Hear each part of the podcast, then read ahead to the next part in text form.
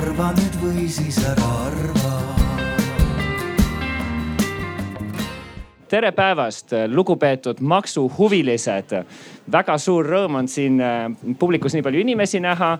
see on äh, alati hea meel teada, et maksuteemad inimestele nii palju korda lähevad. tihti see tundub igav ja, ja kole teema, aga tegelikult äh, nagu ütles kuulus sotsioloog ja majandusteadlane Joosep Schumpeter, siis tihti see on just nimelt maksudes ja maksuküsimustes, kus ilma lauseteta joonistatakse välja ühe rahva ajalugu, teda valitsevad kultuurilised printsiibid ja tema roll maailma ajaloos. ja selles valguses mul ongi siin väga hea meel äh, alustada selle aruteluga. minu nimi on Gustav Kalm äh,. ma olen antropoloogia doktorant, varasemalt hariduselt jurist äh,. uurin sotsioloogiliselt rahvusvahelise regulatsiooni küsimusi äh,. ja ma tutvustan väga kärmelt äh, äh meie auväärt äh, paneliste, diskussante, arvajaid äh,. Äh, alustan enda vasakult, Olev Andrustin, erakonnast Rohelised, ettevõtja äh,, väga mitmesugustel äh, elualadel tegutsenud Riina Sikkut ähm, Sotsiaaldemokraatlikust Erakonnast, äh, varasem töö- ja terviseminister, töötanud ka rahandusministeeriumis, oluline antud küsimuses.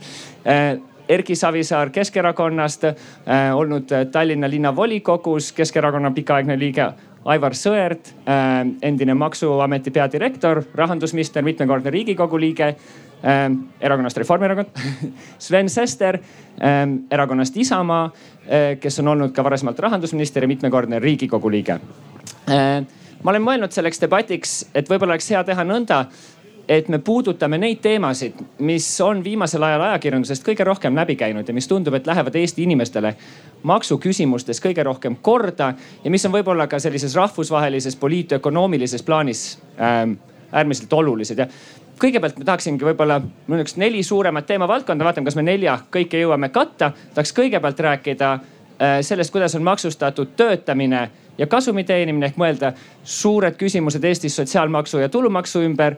Äh, seejärel tahaks rääkida rahvusvahelisest maksustamisest, ähm, Eesti koostöös teiste riikidega ja viimase aja otsustest. Äh, ja siis, kui meil jagub aega, siis sooviksin rääkida veel ehk äh, vara maksustamisest ja sellest, kuidas maksude kaudu suunata võib-olla keskkonnaküsimustes või, või muudes ühiskonnale olulistes küsimustes käitumist aga alustaks siis sealt kohe algusest, et äh, Eestis on, ütleme Eesti poliitilised debatid läbi viimase kolmekümne aasta on tihti käinud selle ümber, kui suur peaks olema tulumaks, kui suur peaks olema sotsiaalmaks, kas tuleks kaotada äh, sotsiaalmaks, kas tuleks kaotada äh, tulumaksu äh, see vabastuse nihkuv määr ja anda kõigile ühtemoodi tulumaksuvabastus? Äh, Eesti maksusüsteem paistab rahvusvahelises võrdluses silma selle poolest ehk maksukiil ehk siis see kogu maksuhulk, mida maksavad nii tööandja kui töövõtja on madalapalgalistel töötajatel üks kõrgemaid ja kõrgepalgalistel töötajaid üks madalamaid Euroopa võrdluses. üldine maksukoorem Eestis on umbes OECD keskmine.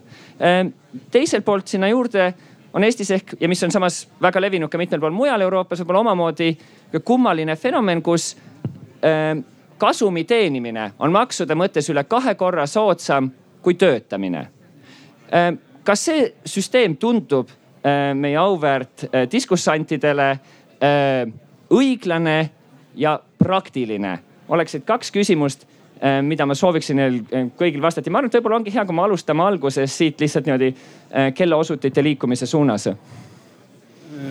Olev siin siis rohelistest, et meie arvates on suhteliselt ja minu arvates on meil vaja aru saada, et mille jaoks me makse kogume. Et eelkõige me kogume makse ju selle jaoks, et saada riigilt ja kohalikult omavalitsustelt teenuseid ja äh, selles suhtes äh, me peaksime kokku leppima ühiskonnast, et millist ühiskonda me tulevikus tahame. kas me tahame ühiskonda, mis pakub meile rohkem äh, teenuseid ja me oleme valmis rohkem makse maksma nagu seda on, ütleme Skandinaavia riikides või me oleme teisele poole suunatud, kus me ei taha riigilt mitte midagi, me ei taha saada tasuta haridust, me ei taha saada tasuta ravi. ja me oleme valmis selle tõttu vähendama üldse riigi funktsioone ja öö, maksma vähem roheliste ja nagu meie üks põhiprobleemiks ongi see, et praegu ühiskonnas Eestis on väga suur lõhe rikaste ja vaeste vahel. ja maksudes me tahaksime näha rohkem, ütleme õiglust. et me saaksime vähendada seda lõhet, mis on praegu olemas ja selle jaoks noh, meie seisukoht on ikkagi see, et ja, ja teine asi, mis meie tahame, me tahame ikkagi saada tugevamat riiki, suuremat riiki ma arvan, et see, et meil hakkab, oleme siin aastaid tegutsenud ja isegi orkestrid pandakse juba kinni ja kõik muud asjad. ja kogu aeg see riik aina õheneb, õheneb, et see on vale. suund peaks olema teistsugune. me peame nagu, me näeme nagu rohkem maksumaksjaid kui ikkagi kogukonna ja rohkem tahaks saada Äh, sellist äh, ühist panust kogukonda, aga muidugi teiselt poolt me tahame muidugi, et seda raha, mis äh, maksumaksja maksab, kulutataks teistmoodi, et siis ka maksumaksja valmis rohkem panustama. et sel teemal, vot siin meil jääb see vist debatid välja, eks ju, aga noh, näiteks meie seisukoht on see, et alkoholi ei peaks ostma maksumaksja raha eest et kui keegi ettevõtja teenib raha, siis ta ei taha, et peaminister selle võtaks pudelina välja et äh, ja see ei motiveeri ühiskonda makse koguma, et äh, siin on nagu teistpidi või ütleme teatud investeeringud, mis on äh, väga hullumeelsed olnud, valed, kuhu lähevad sajad ja sajad miljonid raha kaduma, mis ka ei motiveeri ühiskonda, et me tahame, kus ka maksumaksja saaks rohkem kaasa rääkida. aga kui ma lähen nüüd selle nagu öö, maksude juurde, siis öö, öö, ütleme niimoodi, et rikkamad peaksid maksma natukene rohkem ja vaesemad, kes meil praegu on, peaksid vähem maksma. väga edu. tere, ma ei tea, kui paljud siin eile peale erakonna esimeeste debatti jälgisid poliitreklaamide kommentaare et äh, see, mis sealt välja paistis, on äh, ju tegelikult pilt, et ega kolmekümne aasta jooksul äh, poliitikud millestki muust ei olegi rääkinud kui maksudest, et see maksudebatt ei ole kuidagi erakordne või, või esmakordne. Ja me räägime maksudebatis tõesti tulumaksust, nagu oleks olemas mingisugused õiged otsused või õiged maksumäärad, aga tegelikult seda ei ole. see ongi puhas kokkuleppe küsimus. kokkulepe selles, noh, mis on see visioon, millist riiki me tahame, millised, milline on see ootus, on see siis tervishoiu või, või hariduse osas. aga Mm, küsimus ka, ka tõesti sellest õiglusest ja praktilisusest, nagu moderaator väga ilusti eh, meile ette pani. Eh, ma ütleksin, et, et kolmkümmend aastat tagasi, kui Eesti maksusüsteemi jõujooned paika pandi, eh, noh kokkuvõttes ma arvan, oli tegemist väga mõistlike, heade, praktiliste ja tol ajal õiglasena tundunud otsustega. ja näiteks see, et kolmteist protsenti on sotsiaalmaksust laekunud tervishoidu, on meid väga pikka aega väga hästi teeninud ja ei olegi siin vaja timmida iga, enne iga valimist siia ja sinnapoole. aga noh, kolmkümmend aastat on väga pikk aeg, et tegelikult on töötamine muutunud, elu muutunud ja muudatusi on vaja teha nii et äh, see, kuidas me maksustame töötamist ja, ja, ja praegu tulu, kasumi teenimist ettevõtluses, see on ajale jalgu jäänud, vaadates äh, kuidas me, meie tööelu on muutunud, kui palju on töölepingu alusel töötajaid ja, ja, ja palju teistmoodi tulu teenijaid. et tegelikult nende määrade võrdsustamine või, või sarnasemaks muutmine on igati asjakohane, ajakohane. aga mm, lisaks ma tooksin välja paar mõõdet, et kui kolmkümmend aastat tagasi noh, praktiline oligi võib-olla ühtne tulumaksumäär sest äh, kõik need digitaalsed võimalused olidki teistsugused ja ei ole mõtet maksukogumist liiga keerukaks teha. Äh, siis praegu äh, me suudame analüüsida, vaadata tagasi nii eelmistele perioodidele kui ette prognoosida ja, ja me näeme, et need kõhutunde põhjal tehtud otsused tegelikult meid enam ei saagi teenida. et kui me võtame mingi no mingi maksusoodustuse, no käibemaksusoodustus perioodikalt või raamatutelt või kõiki maksu äh, mak- äh, makse ja maksuerisusi on tegelikult rahandusministeerium ju analüüsinud, et kes neid maksab? Kas neid maksan mina kui, kui väga kõrge sissetuleku teenija või maksab seda madalapalgaline. ja need, äh, pildid on tegelikult väga-väga üllatavad. nii et ükskõik millist maksumuudatust plaanida, tuleks vaadata jaotuslikke mõjusid. et kes kokkuvõttes seda maksu maksma hakkab ja kas see on siis meie meelest õiglane ja sellele konkreetsele inimesele või ettevõttele jõukohane Äh, ja, ja teine aspekt on ikkagi see tulude jaotus, et kui me paneme need miljon Eesti tuluteenijat, noh sealhulgas ka pensionisaajad saajad ritta. no ikkagi väga üllatav on, kui palju on meil neid, kes teenivad näiteks keskmisest madalamat tulu. et pea kaheksakümmend protsenti on neid inimesi ja siis, et nii, et kui me mõtleme, keda ja millise määraga maksustada, siis see tulude jaotus peaks kogu aeg silme ees olema. ja aitäh Äh, loomulikult tol ajal, kui neid maksumäärasid kehtestati omal ajal, siis, siis nad tundusid õiglased ja, ja õiged, aga ka meie töötamise harjumused olid teistsugused. tänases muutuvas maailmas on selge, et samasuguse loogikaga me väga pikalt enam edasi ei purjeta ja, ja siin on äh, mitu äh, nagu probleemi, miks me oleme jõudnud sellisesse olukorda.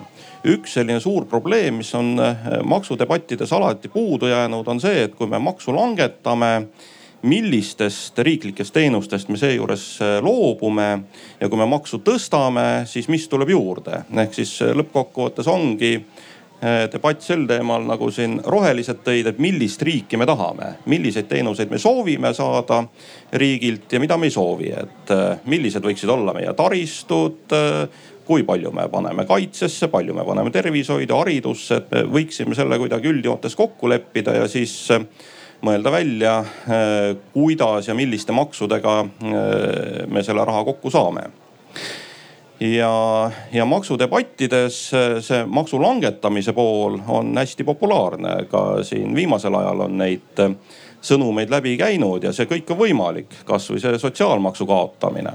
Aga kui me võtame riigieelarvest selle tüki ära, siis tuleb alati öelda ka see mündi teine pool, et millest me siis loobume. et ei saa niimoodi, et me teeme ülipopulaarse otsuse, kogume vähem maksu ja, ja siis kuskilt äh, seinast peaks nagu eelarvesse raha tulema, millega me pakume teenuseid edasi. Äh, aga selliseid otsuseid viimased kolmkümmend aastat kahjuks on tehtud ja selle tulemusena riigieelarve jõudnud seisu, kus äh, sisuliselt enam eelarvesiseselt manööverdamisruumi väga ei ole, et me oleme kogu eelarve püsikuludega lukku pannud. Või, või noh, suures osas. Ja ütleme majanduskasvu tingimustes, ega see ei ole ju väga suur probleem, sest iga aasta tuleb vahendeid natukene rohkem ja nendega saab natukene jälle midagi teha, peenhäälestada, nagu siin vahepeal meeldis öelda aga me võiksime vaadata seda asja natukene suuremalt ja mõnes sellises üldises arengusuunas omavahel kokku leppida. ja tõepoolest Riina siin eelnevalt rääkis kenasti sellest, kuidas meie maksusüsteem põhi, põhijoontes loodi siis kolmkümmend aastat tagasi. no mul oli endal rõõm osaleda tuhande üheksasaja üheksakümne neljanda aasta maksureformi ettevalmistamisel, kui ma rahandusministeeriumis tollal veel töötasin. aga tõepoolest selle aja jooksul on töötamise vormid ja kogu Äh, majanduskeskkond ja ka inimeste sissetulekud on äh, väga palju muutunud ikkagi. Äh, ja mm, samas, samas kui me vaatame Eesti maksusüsteemi, no siis peab kohe küsima, et, et mida, mis probleemi me siis, kui me räägime siin, et noh, ajale jalgu jäänud ja on vaja hakata siin enne valimisi midagi muutma või midagi lubama kuidas muuta. et mis probleemi me lahendame, et äh, vaadake rahandusministeeriumi värskeid andmeid, maksutulud laekuvad ju väga hästi. et äh, selle aasta maksutulud on laekunud paremini kui enne kriisi kahe tuhande üheksateistkümnendal aastal. Ja kriisis ka eelmisel aastal, kui majandus oli, majanduspiirangud olid siis tegelikult ju maksutulud äh, äh, kukkusid vähem, kui äh, eeldati. ja maksukoormus, nii nagu seda arvutatakse, laekunud maksutulud suhtena SKP-sse kolmkümmend kolm protsenti sel aastal natuke tõuseb kolmekümne viieni prognoosi järgi, kuna see täiendav, täiendav tulumaks tuleb nende pensionifondist lahkujate lahkujatelt.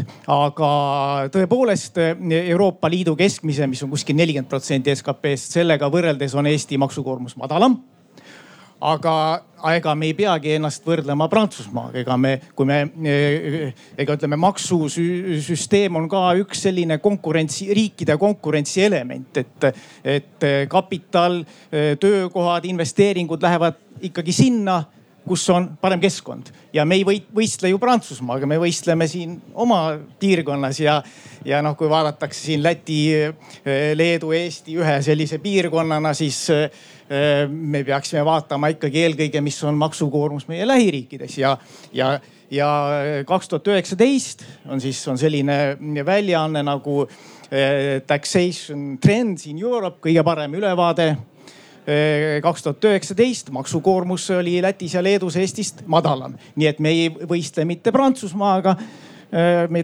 võistleme ikkagi konkurentsis äh, Läti ja Leeduga. Ja muidugi maksukoormust äh, ei, ei, ei iseloomusta ainult maksumäärad, aga ka see maksuameti suutlikkus maksusid kokku koguda aga, aga noh, mina tahaksin küll siinkohal öelda et, et kolmkümmend kolm protsenti maksukoormust on Eestile optimaalne seda ei peaks ülespoole tõstma. kui on vaja midagi siin sees muuta, noh arutame. ja mis on Eesti võrreldes nüüd Euroopa Liidu teiste riikidega, ütleme niimoodi, tööjõumaksude osakaal kogu maksutuludest on viiskümmend kaks protsenti, enam-vähem Euroopa Liidu keskmisel tasemel. aga eh, kui me vaatame kaudseid maksusid, aktsiisid, käibemaks, siis nende osakaal on suurem kui Euroopa Liidus keskmiselt. otseste maksude osakaal on väiksem kui keskmiselt ja noh, kapitalimaksude osakaal on ka väiksem kui, kui Euroopa Liidus keskmiselt. aga meie maksukoormus kolmkümmend kolm protsenti. me võrdleme siin noh Euroopa Liiduga, siis me jah, tõesti, see on keskmisest seitse protsendipunkti madalam. aga OECD riikidega võrreldes, rikaste riikide klubi no seal me oleme ikkagi päris kõrgel kohal, seal on OECD riikides on keskmine maksukoormus madalam kui, kui Euroopa Liidus. Et äh, kolmkümmend kolm protsenti on optimaalne, selle juurde võiksime jääda ka tulevikus. mis probleeme on vaja lahendada? no siin on üksikuid probleeme. võtame noh, siin OÜ-tamine näiteks noh, ümbrikupalgad on kindlasti probleem, kuna noh, tööjõumaksud on küllaltki kõrged, sotsiaalmaks, tulumaks ja võib-olla ka siis see kaks tuhat kuusteist loodud see libisev, kuidas te ütlesite, libisev äh,. olegi maksuvaba kohta, kui. ehk siis maksuküür, et kui, kui see määr, kui see loodi kaks tuhat kuusteist, see tuhat kakssada eurot kuus, millest alates hakkab maksuvaba tulu määr järsult vähenema. kui see kaks tuhat kuusteist oli veel noh, enam-vähem, siis praegu, kui tulud kasvavad väga kiiresti prognoosi järgi viis protsenti pidid sel aastal kasvama, aga värsked andmed ütlevad, et seitse-kaheksa protsenti.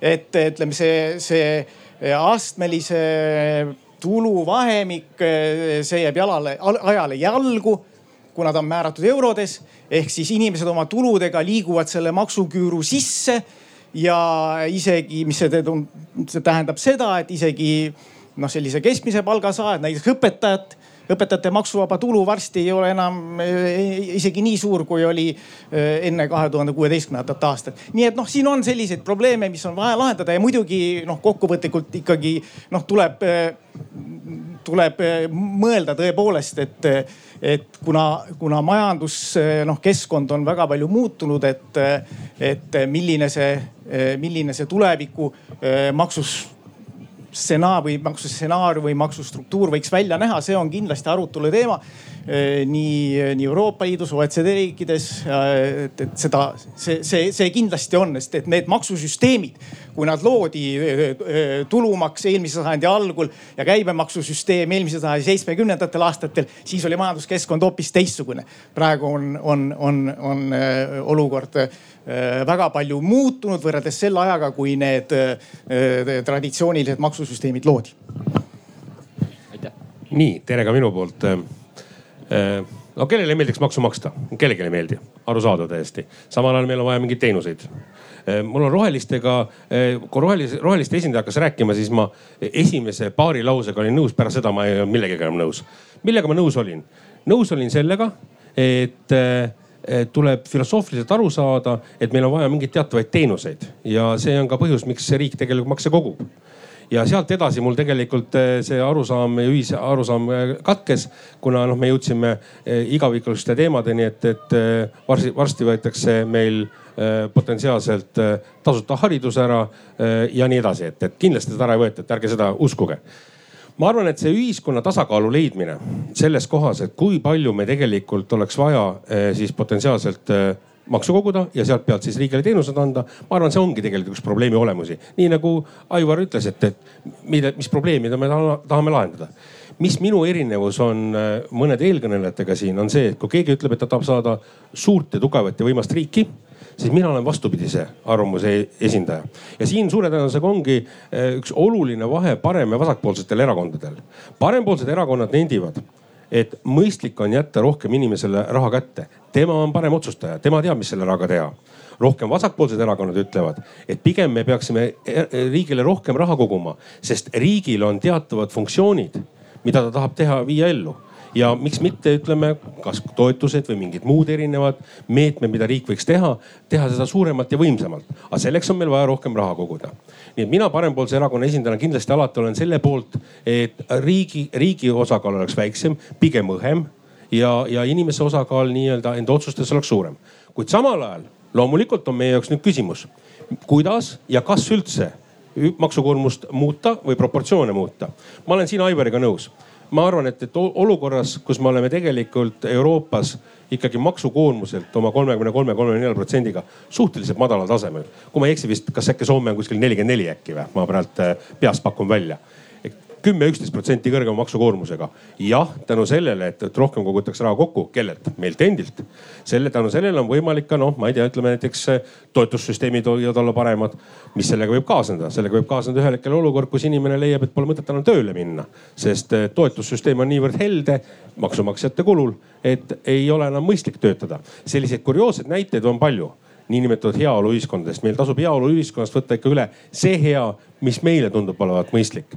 kui nüüd minna maksudest sügavamale, siis eh, ja moderaator ka küsis seda, et, et eh, millele võib-olla vähe praegu tähelepanu pöörati, et kas, eh, kas töötamine ja, ja, ja ütleme siis passiivsem maksutulu siis kasumi saamine, kas need võiks, noh, ta on täna on erinevalt maksustatud. Äh, ettevõttel ei ole ju sotsiaalmaksu, ta ei, ettevõte ei vaja äh, sotsiaalkindlustust, seda vajab iga inimene. et kas need võiksid olla kuidagi tasakaalus rohkem? et ma olen natuke ka siin kahtlev, et, et minu jaoks ikkagi dividend on passiivtulu võib inimene teha tööd, saada sellest palka või tulu aga, aga kui sa ikkagi oled investor, siis on see sinu jaoks passiivne tulu ja ma ei näe nagu põhjust, miks hakata passiivtulu tulevikus äh, näiteks sotsiaalmaksuga maksustama. ma arvan, et need debatid meil Keskerakonnas seisavad ees, kes, kes on siis äh, Jüri Ratase suu läbi öelnud, et me tahaksime sinna ühel hetkel jõuda. mina ei ole selle poolt. ma soovin meile õnne me oleme kolm aastat olnud olukorras, kus äh, ei ole ühtegi maksutõusu olnud, see on ebatavaline olukord ma olen kolm aastat riigieelarve esimesel, teisel ja kolmandal lugemisel läinud pulti ja iga kord öelnud maksurahu, maksurahu, maksurahu ma ise, nii nagu Aivar ütles, et tema on kolmkümmend aastat olnud selles süsteemis eh, sees või kolmkümmend aastat tagasi. nii ka mina arvan, et ma üks kakskümmend aastat olen tegelenud rahandus-majandusteemadega riigikogu tasemel ja ma pean tunnistama, olles ka ise seal osaline olnud eh, ja olles ka erinevate partneritega seal võimul olnud, et väga palju aastaid on pidevalt mingid maksumäärad või maksubaasid tekkinud või uued, uued nii-öelda maksuliigid kolm aastat ei ole seda juhtunud, see on e-, ebatavaline olukord. varem, varem kunagi nii ei olnud.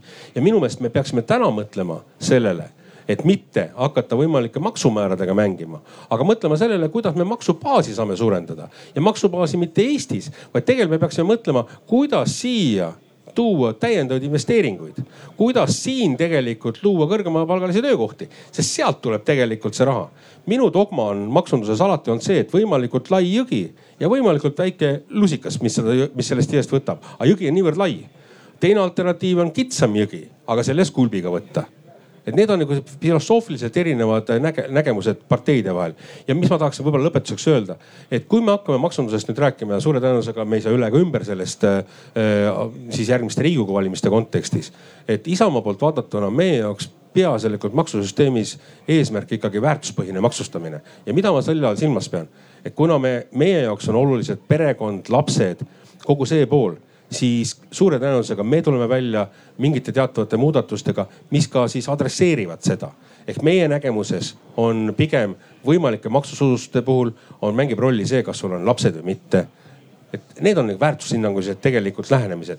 aga veel kord ma ütlen, et, et raha ei tule riigieelarvest, raha tuleb riigieelarvesse ja see tuleb läbi tasuvate töökohtade ehk tegelikult läbi ettevõtluse. see toodab tegelikult meile lisandväärtuse. järelikult me peame tähelepanu pöörama sellele, kuidas teha seda atraktiivsemaks, seda keskkonda. see oli minu sissejuhatus.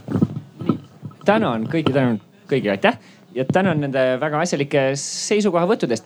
ma tahaksin tegelikult haarata kõigil teil mõnevõrra sõnast ja eh, poliitikud nagu ikka kenasti oskasid juhtida jutu natukene teise kohta selle asemel, et rääkida sellest, kuidas täpselt makse Eesti inimeste vahel jaotada, oli ikka juttu sellest, kas riik peaks olema õhem või kitsam või õhem või paksem.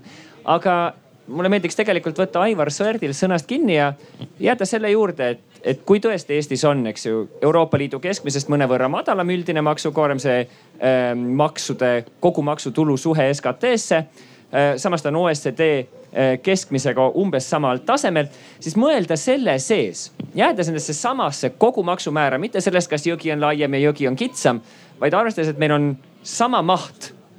mõeldes selle mahu juures nüüd mõnedele olukordadele, ma toon paar näidet probleemkohtade kohta Eestis, millega ma arvan, väga paljud inimesed siin publikus on ka kokku puutunud. kui mina olen Eestis palgatööd teinud, ähm, teenides, saades enda arvele Äh, aasta lõpuks, lõpuks äh, kokku kuupalgana kätte umbes tuhat eurot. Äh, maksab tööandja selle eest tuhande kuuesaja euro kanti. kui ma üürin välja enda vanaemalt päritud korterit, mille eest ma ise pingutama pole pea sugugi pidanud, võtab riik selle pealt mult ainult neliteist protsenti tulumaksu.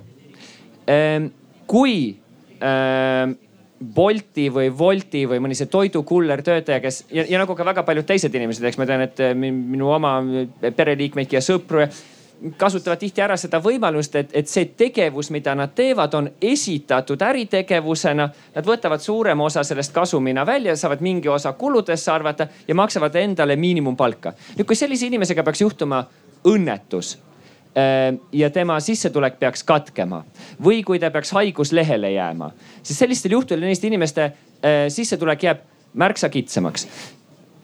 ja ma tõin ühe fakti siin ennegi välja, et ähm, Eesti kogumaksumäära juures siiski siisti paistab selle poolest silma, et madalapalgaliste inimeste maksukiil ehk see, mida nemad maksavad ja mida nende tööandja maksab, on protsentuaalselt Eestis väga kõrge.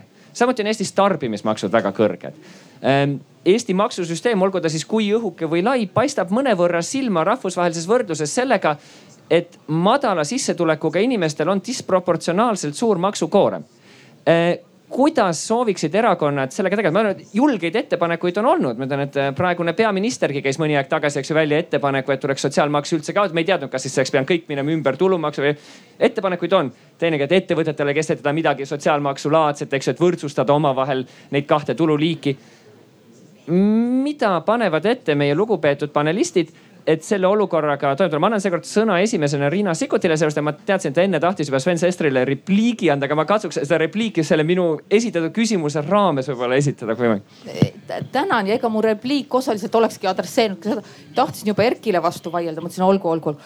Aivari, noh tead aga no Sven, ma ausalt ütlen, et, et kõik see, mida Sven rääkis, ma loodan, et see on lihtsalt huvitav arvamus meie kolmkümmend aastat tagasi. meil on äh, erinevad arvamused sotsidega, midagi ei tea. paika pandud maksusüsteemi kohta, ma loodan, et need põhimõtted Eesti tuleviku maksusüsteemi enam ei kujunda. et äh, no kasvõi tõesti mi, mina kolmelapselisena äh, ma ei soovi ühtegi maksusoodustust, ma soovin tegelikult rohkem maksu maksta.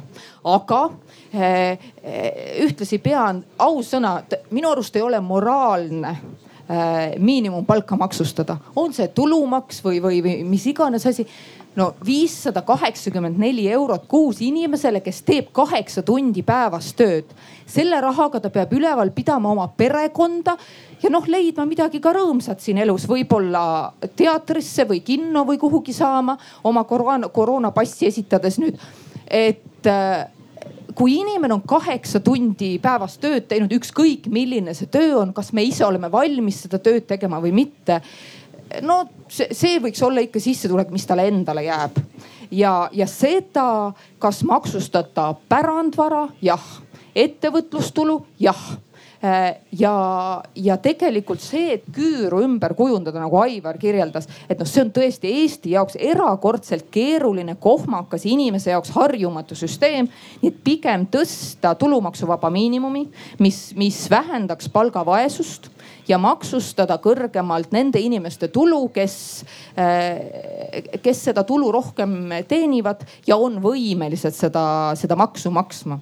aga selleks, et on, oleks võimalik üldse tulevikumaksu teemadel rääkida, siis noh, nii nagu Sven ütles, et ei noh no sotsiaalmaksuga ei saa ju dividenditulu maksustada, see on passiivne tulu, ega ettevõte ei tarbi sotsiaalteenuseid. et me tegelikult peaksime sellest raamist välja tulema, et sotsiaalmaks läheb pensioniks ja, ja, ja ravikindlustuseks. see on kogu aeg nii olnud, see on inimese saadav hüve. kui me maksusüsteemist räägime, siis tegelikult ka tervishoidu võib maksta äh, või võib rahastada teistest maksudest peale selle kolmeteist protsendi sotsiaalmaksust. kui me tegelikult tahame tuleviku maksusüsteemi noh nagu muresid lahendada või, või paremat, sobivamat maksusüsteemi, õiglasemat maksusüsteemi üles ehitada, siis, siis me ei saa nendes raamides püsida, mis kolmkümmend aastat tagasi äh, kokku lepiti. et noh, me peame kuidagi avaramalt või, või, või vabamalt nende teemade peale julgema vaadata. et ei ole selliseid tabusid või, või dogmasid või selliseid asju. et meil ongi maailmavaatelised erinevad seisukohad, need on kogu aeg nii olnud. ja vaat nüüd vaat seda, seda me lauale ei võta või maksurahu või sellised teemad.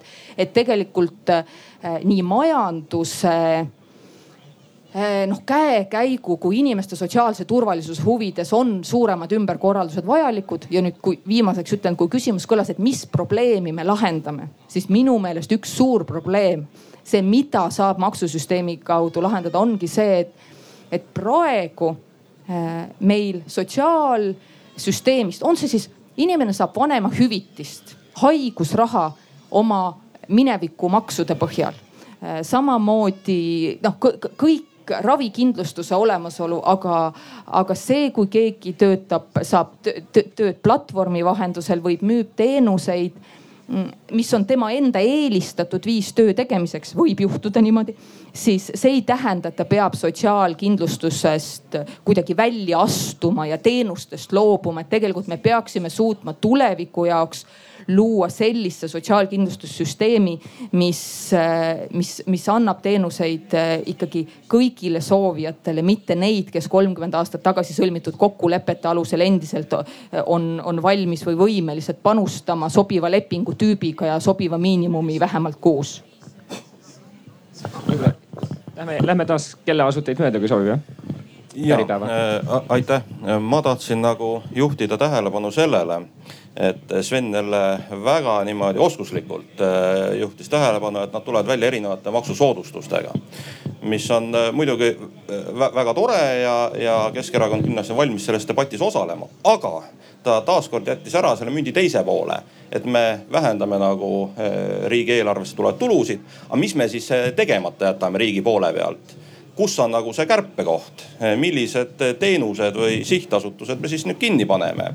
ja, ja ütleme, et noh, neid saab siis vabalt turult osta see, kellel seda raha on mis nüüd puutub OÜ-tamisse, siis noh, mina otseselt selles OÜ-tamises probleemi ei näe. see ongi täpselt nagu see parempoolne lähenemine, parempoolse maailma vaatega inimene saab elu jooksul rohkem raha kätte ja pärast enam nii-öelda pensioni ei saa et kui on selline eluaegne OÜ-taja, siis heal juhul tema pension tuleb sada kaheksakümmend viis eurot.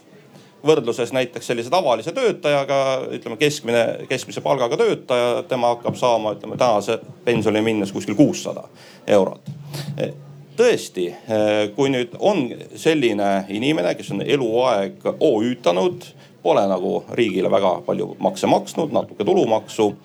Ja ta nüüd jõuab sellesse ikka, kus ta ei saa enam mingisugusel põhjusel äh, OÜ-tamisega tegeleda. noh, lihtsalt ei, ei ole jõudu või, või noh, mis iganes see põhjus on, siis sel hetkel tõesti muutub see inimene riigile väheke koormaks, sest ta ei saa selle saja kaheksakümne viie euroga enam hakkama ja, ja siis me peame jälle kõik ühiselt mõtlema, kust me nüüd saame selle raha, et siis seda ühte inimest aidata. ja, ja kui me räägime nagu ettevõtluse ütleme sotsiaalmaksust või dividendide sotsiaalmaksust, siis pigem ongi küsimus just nende konkreetsete eh, OÜ-tajate eh, sihtimises, mitte seda, et üle põllu igasugusele ettevõtlustulule panna mingisuguseid lisamakse peale et meil on nagu väga selline konkreetne sihtrühm, kellega on näha, et tulevikus peab riik nendega tegelema hakkama ja nad ei ole oma eluajal oma nii-öelda vanaduspõlve ära kindlustanud. aitäh ja kõigepealt arutelu juhi püstitatud käsitlus, et äh, vot see oli see korteri üürimise näide, et sellisel juhul on äh, tulumaks kakskümmend, nelikümmend või neliteist protsenti, kui on soodne dividendimäär ja, ja samas palgatöölt tuleb maksta tulumaks ja sotsiaalmaks. nojah, nii ta on maksusüsteemides ja seesama kinnisvara, mis tulu toodab või ükskõik mis vara, passiivse vara liik, aktsiad või väärtpaberid, mis toodavad tulu noh, nendele instrumentidele ei ole vaja ju tulevikus pensioni maksta või, või, või seadmed ja tehnoloogia, mis toodab tulu. Nad ei nõua tulevikus pensionit, aga kui inimene töötab, siis inimesele peab tulevikus pensionit maksma, kui enam, enam, enam töövõimet ei ole. et Äh, äh, kui sel, sel ajal, kui äh, kolmkümmend aastat tagasi umbes noh, maksusüsteem siin meil loodi, siis tegelikult ma mäletan, oli põhimõte, et sotsiaalmaks kolmkümmend kolm protsenti ongi nii kogu aeg olnud et see katab ära pensionikindlustuse osa, ta on nagu kindlustuspõhimõte ja ravikindlustuse osa. aga tänasel päeval see ju enam nii ei ole sotsiaalmaksust ei, selle sotsiaalmaksu pensionikindlustuse osast ju ei piisa, et esimese samba pensionit maksta. muude maksutulude arvelt ju makstakse sinna peale. nii et tervisega on täpselt sama lugu.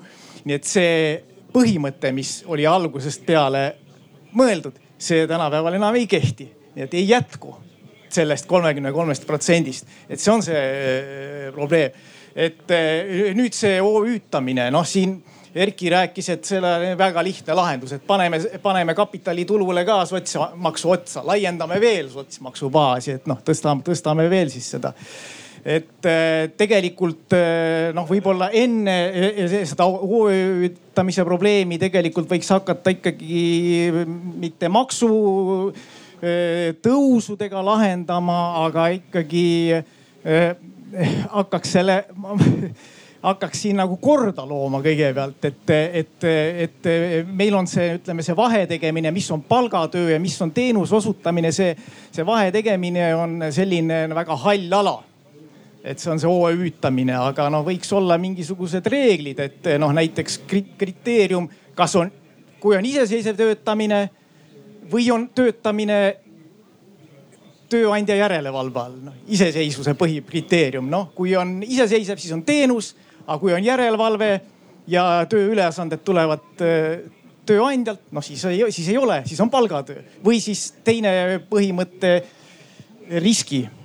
kelle, kellel on risk, et äh, kas teenuse osutajal on risk, noh siis on ta teenuse osutaja, aga kui risk on tööandjal, noh siis on see rohkem nagu palgatöö moodi. et need kriteeriumid võiks olla paigas, et siis saab noh, nagu noh, maksuamet, kui ta maksustab, millestki nagu lähtuda, aga no meil on selline hall ala ja sellepärast see noh, OÜ-tamine on küllaltki laialt levinud, et noh lahendada selliselt, et paneme dividendidele sotsmaksu otsa, noh noh, kõigepealt kapitalitulu üldiselt ei maksustata sotsmaksuga ja teiseks noh, see tähendab ka seda, et noh, kapital lihtsalt läheb, kapital ju liigub tänapäeval vabalt, noh töökohad, investeeringud liiguvad sinna, kus on parem keskkond, noh ja järelikult võivad minna kapital ja investeeringud võivad minna Eestist, Eestist välja, nii et mina ei hakkaks maksutõusudega probleeme lahendama, et et, et katsuks jääda selle kolmekümne kolme protsendi maksukoormuse sisse, aga muidugi, muidugi, mis vot siin see, see maksukiil ja, ja need madalapalgaliste probleem, jah. noh, Riina tõi näite, no ütleme noh, see viissada maksuvaba tulu, noh, see juba enam keskmine või see miinimumpalk on juba sellest suurem. aga noh, jah, ütleme, aga, aga eh, võtame siin ütleme palgaskaalal mitte väga kõrgel, noh õpetajad näiteks, õpetajad oma palgaga juba liiguvad selle eh, selle eh, astmestiku või maksuküüru sisse. tuhat kakssada on see määr, millest alates maksuvaba tulu hakkab järsult vähenema. noh, see olukorras, kus meil tulud kiiresti kasvavad, kus on inflatsioon, inflatsioon on suuremaid probleeme siin lähitulevikus. et selles keskkonnas, kus see maksuküür on nagu eurodes fikseeritud, noh, see, see ei sobi sellisesse keskkonda, kus eh, inimeste tulud eh, kiiresti kasvavad, kus on inflatsioon ja selle tõttu järjest rohkem inimesi oma tuludega liigub selle maksuküüru sisse. Maksuvaba tulu määr väheneb ja noh, me olemegi varsti olukorras, kus maksuvaba tulu Eh, ka väiksema palga saajatel pole enam eh, eh, nii suurgi, kui oli siin kaks tuhat kuusteist näiteks Taavi Rõivase valitsuse ajal. et, et, et see, see astmeliselt vähenev maksuvaba tulusüsteem, see ei sobi keskkonda, kus on inflatsioon ja tulud kiiresti kasvavad. vot see oleks vaja ära muuta nii, eh, nüüd on nii palju asju, millest ma tahaks rääkida, ma püüan eh, kiirelt eh, tulistades igal teemal natukene mingid oma mõtted öelda. kõigepealt poliitikuna muidugi ma ütlen, et, et ootan ära paar kuud paar kuud sellepärast, et septembris äh, jõuab riigieelarve, mis järgmist aastat puudutab, äh, siis ju meie lauadele. ja, ja nihukeste põlevate silmadega nagu Aivar Seet siin praegu rääkis, ärme unusta, tegemist on Reformierakonnaga, kes on peaministripartei. kolme kuu pärast näeme, milliseid muudatusi kahe tuhande kahekümne teisel aastal tuleb siis antud näidete puhul. aga selleks läheb ainult paar kuud aega, nii et ootame ära. ma arvan, et mingit midagi ei muutu, et, et see oli siin ilus nihukene traktaat, mida me praegu kuulsime, aga ma ei taha olla ülekohtune, jätke meelde kuulame ära septembri äh, kolmandal nädalal, kui antakse see eelarve üle nüüd äh, mõned asjad, mida, mida moderaator üles tõstis ja võib-olla mida ma ka vähem esimeses küsimuses, mis oli maksukiiludest ja pärast ma räägin ka siis sellest passiivtulust veel korra üle. Ähm, ma olen nõus, ma olen nõus sellega, et madalapalgaliste maksukiil on väga kõrge ja, ja kui te panete tähele, siis me ütleme kolmekümne aastast ajalugu maksunduses eriti just nagu tulumaksuga seonduvalt, siis mingil hetkel järjest tulumaksuprotsent vaikselt äh, langes. noh, kahekümne kuue pealt ta oli ühel hetkel, nüüd on langenud kahekümne protsendi peale. ja üldiselt parteid, poliitilised parteid enam sellest rohkem väga ei räägi. sest iga kord, kui see äh, protsent langes, siis sellest võitsid peaasjalikult äh, kõrgepalgalised. jah, võitsid kõik aga enam-vähem võitsid rohkem alati kõrgepalgalised, kuna nende palk on lihtsalt kõrgem ja üks protsent sellest palgast on lihtsalt rohkem raha ja, ja sellest ongi tulenev see, mida moderaator enne mainis, et kui me vaatame kõrgepalgalisi võrreldes Euroopaga, siis on see päris madal protsenditase, nii et maksumäär. vaatame madalapalgalisi, päris kõrge ja see oli ka põhjus, miks kahe tuhande kuueteistkümnendal aastal, kui oli viiesaja euro eh, siis tulumaksuvabastusest jutt, ärme unusta, et kuni selle ajani tulumaksuvabastus oli kõigil. aga ta liikus niisugusel teosammul nihuke viis, kümme, viisteist eurot eh, aastas oli seal sada viiskümmend neli, sada kuuskümmend neli ja nii edasi, pidi, pidi sellisel kümne euro tasemel tulumaksuvaba miinimum iga aasta liikuma. ja kahe tuhande kuueteistkümnendal aastal võeti vastu poliitiline otsus, et tõsta see viiesaja euroni. ja loomulikult oli soov kõigile tõsta viiesaja euroni madalapalgalistele ja kõrgepalgalistele. ainuke probleem oli, et see oleks niivõrd kallis olnud, sellist raha polnud kuskilt võtta. ja siis tehti otsus, et see suunatakse madala ja keskmise palgaga inimestele ja ma olen nõus, et see on oma ajale täna juba jalgu jäänud, sest täna on madal, see nii-öelda see su madal palk äh, sünonüümina võrreldes kahe tuhande kuueteistkümnenda aastaga on muutunud. kui sel ajal oli madal palk võib-olla viissada eurot või alla selle isegi nelisada viiskümmend eurot, siis täna on viissada viiskümmend eurot, juba sada eurot on juba juurde tulnud. ehk selge on see, et see tuleb üle vaadata ja ma arvan, siin ongi küsimus, kui vaadata, mida siis pooleteist aasta pärast Riigikogu valimistel äh, parteid hakkavad lubama, siis suure tõenäosusega ei räägita pooleteist aasta pärast tulumaksuprotsendi allaviimisest, vaid räägitakse sellest tulumaksuvaba miinimumi tõstmisest. sest tõsilugu, tõstes tulumaksuvaba miinimumi kõrgemale, jälle võidavad kõik, madalapalgalised ja kõrgepalgalised üldjuhul aga madalapalgalistele on see palju suurem võit, kuna nende palk tihti ongi madala palga täismääras.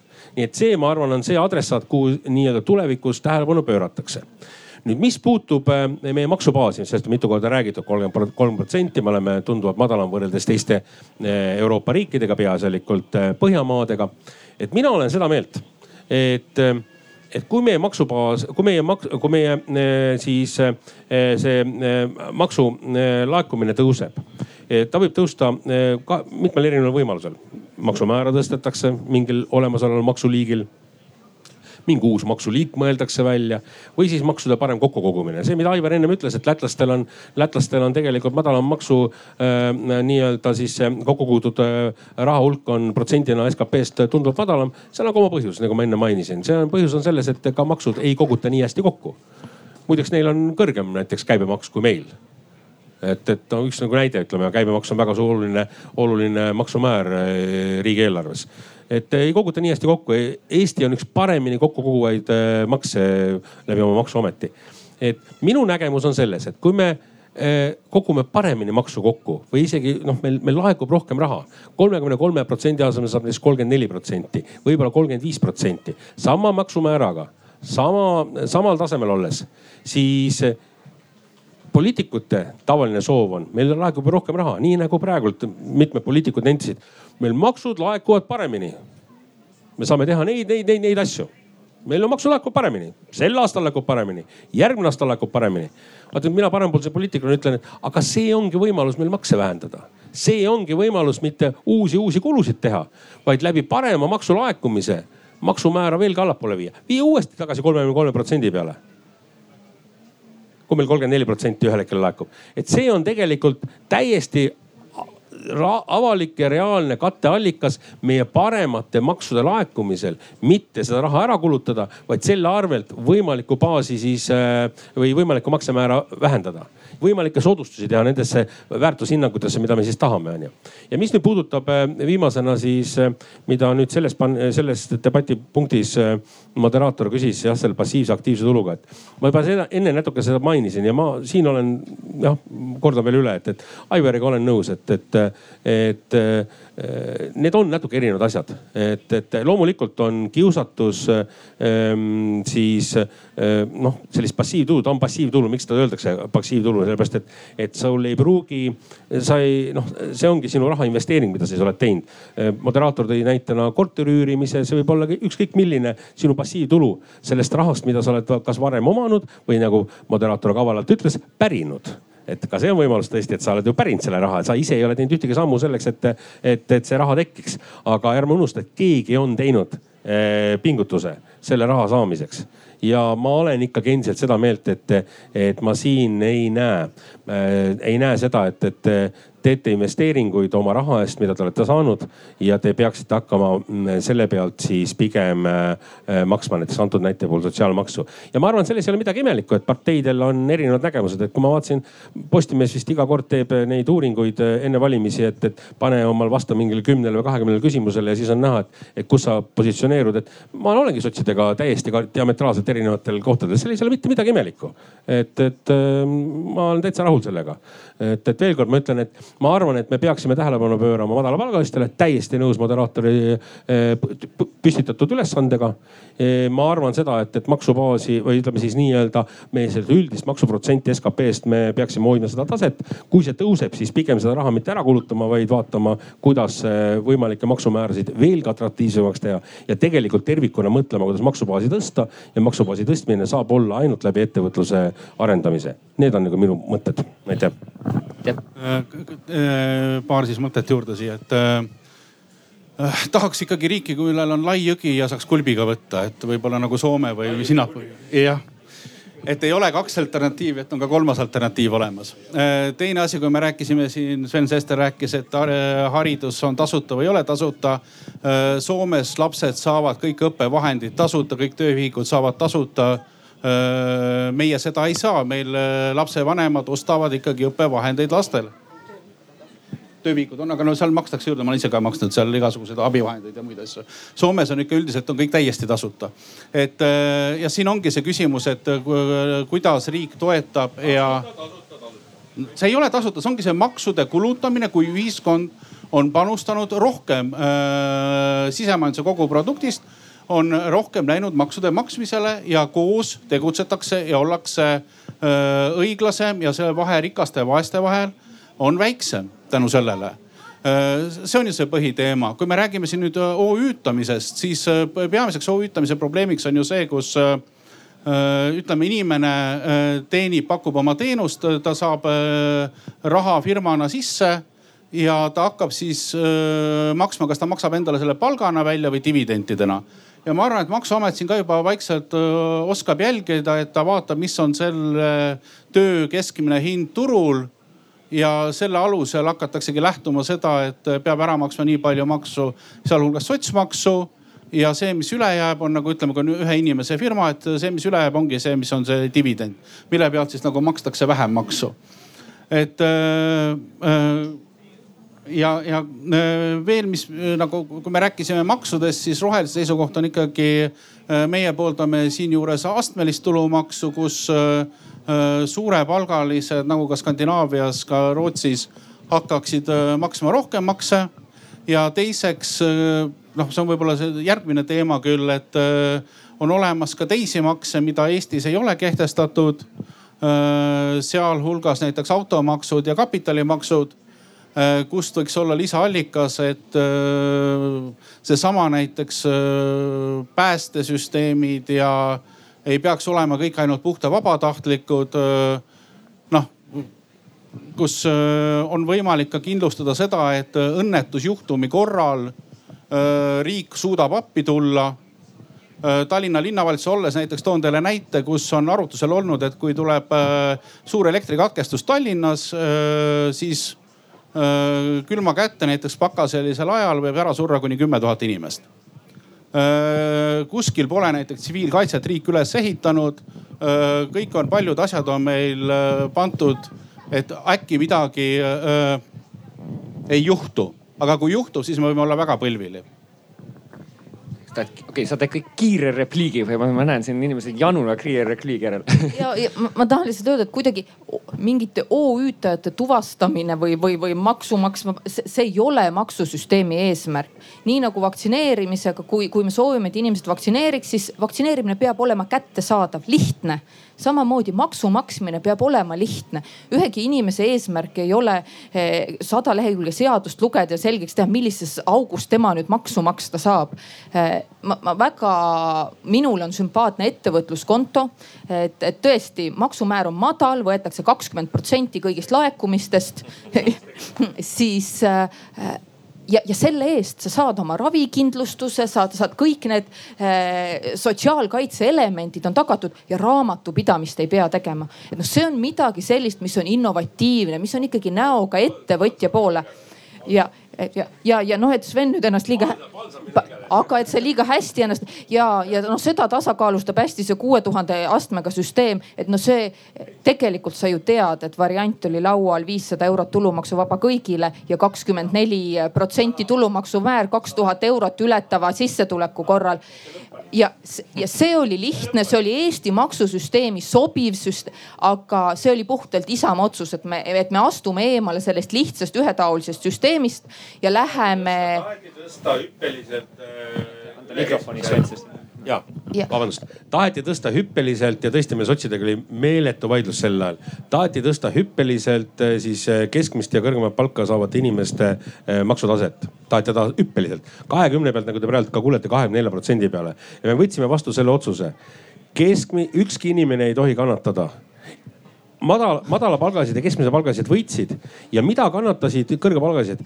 tulumaksuvaba miinimum kadus neil ära, kuuskümmend kolm eurot, aga taheti tegelikult, mida taheti, taheti hüppeliselt tõsta maksukoormust ja ma ei olnud sellega tõesti nõus. Ja, ja, ja tulemus on süsteem, mis kiiresti ajale jalgu jäi ja, ja keeruline IT-kulusid nõudev nii ettevõtjatelt kui riigilt, inimese jaoks raskesti mõistetav. ja ma üt-, tegelikult Eesti eh, selliste maksustamise põhimõtete vastuminek et ainuke asi, mis seda siis rehabiliteerib, ongi see, et, et see kasu madalapalgaliste puhul oli tegelikult ikkagi nii suur, et et aga, aga lihtne tee oli võimalik edasi leida. ja siis veel üks kommentaar selle peale, kus Sven ütles, et, et nüüd see mm, maksu, hea maksulaekumise tõttu maksukoormus kasvab ja nüüd on võimalus äh, kuidagi makse hakata äh, langetama, siis ei, sa eksid, see hüpe on ühekordne, sest teisest sambast saab raha võtta välja ainult ühe korra ja see ära kulutada. nii et see erakordne tulu riigile on ühekordne ja selle põhjal sa kuidagi püsivalt maksulangetusi teha ei saa. see, see küür kaob ise ära sealt mm.. nii kas mõni panelistidest, nii eh, Riina Sikkut kui Sven Sester on saanud väikse repliigi, kas mõni teine tahab ka väikse repliigi öelda sellele ma eelnevale ütleks, jutule? ma ütleksin nii palju, et eh, jah, Keskerakond koos Isamaaga selle ettevõtluskonto eh, nii-öelda lõi ja selle võimaluse andis inimestele. kusjuures tähelepanuväärne on see, et ettevõtluskonto puhul on astmeline tulumaks erinevalt siis ütleme palgatööst või, või dividendidest. Ja see on tõesti parem ja lihtsam süsteem, nii et ma arvan, et me võiksime ka muudel tululiikidel seda astmelist äh, tulumaksu äh, kasutada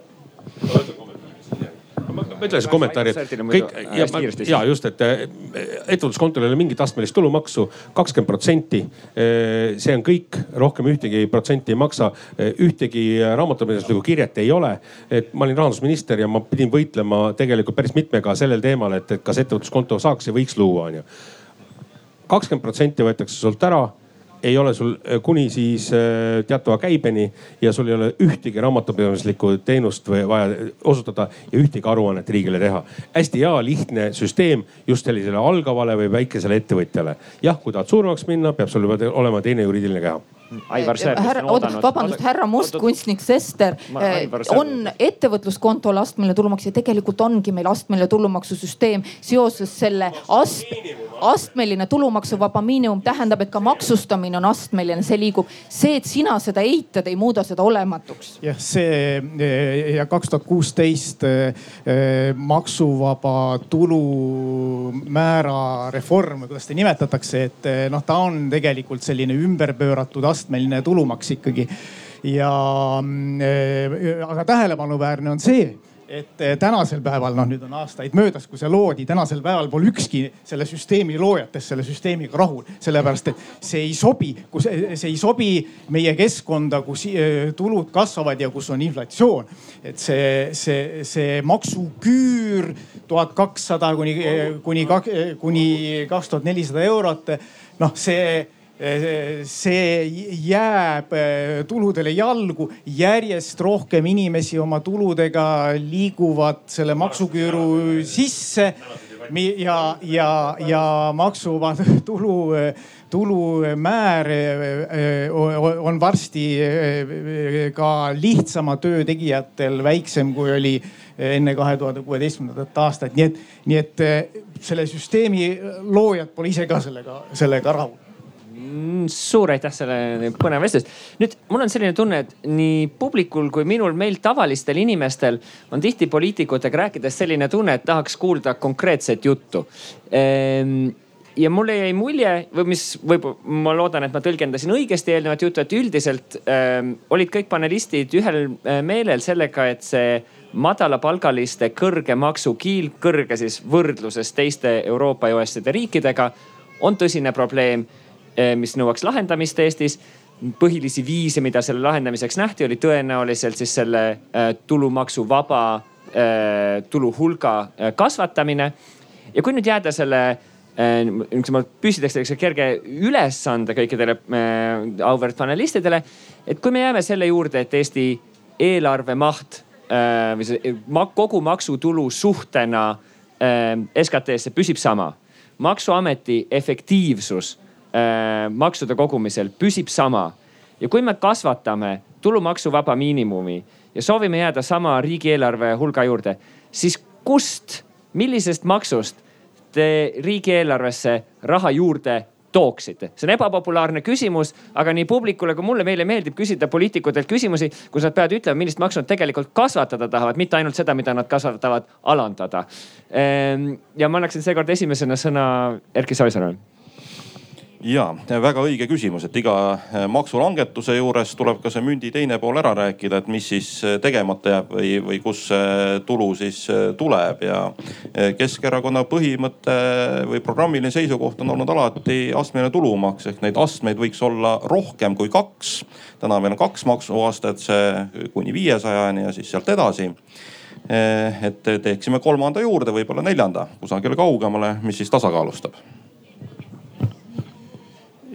ja ma ütleksin seda, et eh, ma ise ja ma arvan, et ma võin ka rääkida erakonna nimel, et me ei poolda eh, uute maksude juurdetoomist. Eh, meie maksukoormus on optimaalne. ei, ei poolda ka maksukoormuse tõstmist, et kui me räägime sellest, et siin selle olemasoleva maksukoormuse sees muudatusi teha, noh siis, siis tulebki nii vaadata, et mis siin sees teha annab, et, et noh, me teame, et, et, et paljud suured tulud, no võtame needsamad internetihiiglased, kellel, kus nüüd astuti suur samm edasi, kui tekkis see OECD riikide ja, ja, ja, ja G7 maksukokkulepe nende Amazonide ja Google'ite maksustamise osas, et, et see on, see, see, see on selle, selle kokkuleppe esimene sammas, et see sobib ka meile. aga noh, see teine sammas, see miinimumettevõtte tulumaks, see jällegi noh, Eesti puhul nõuab nagu erandit. et, et see on üks näide kust äh, maksutulu äh, kokku, äh, kokku kuluda, kokku koguda või siis see oota, OÜ-tamise reguleerimine või siis ümbrikupalkade vähendamine. noh, maksuamet toob ju välja, seal on ju kümned ja sajad miljonid, mis, mis jäävad sinna maksuauku. noh, räägime ka käibemaksupettustest, et, et maksu, maksutulu parem kokkukogumine on üks Eh, üks allikas, kuidas katta. aga kui püsib sama efektiivne maksuamet?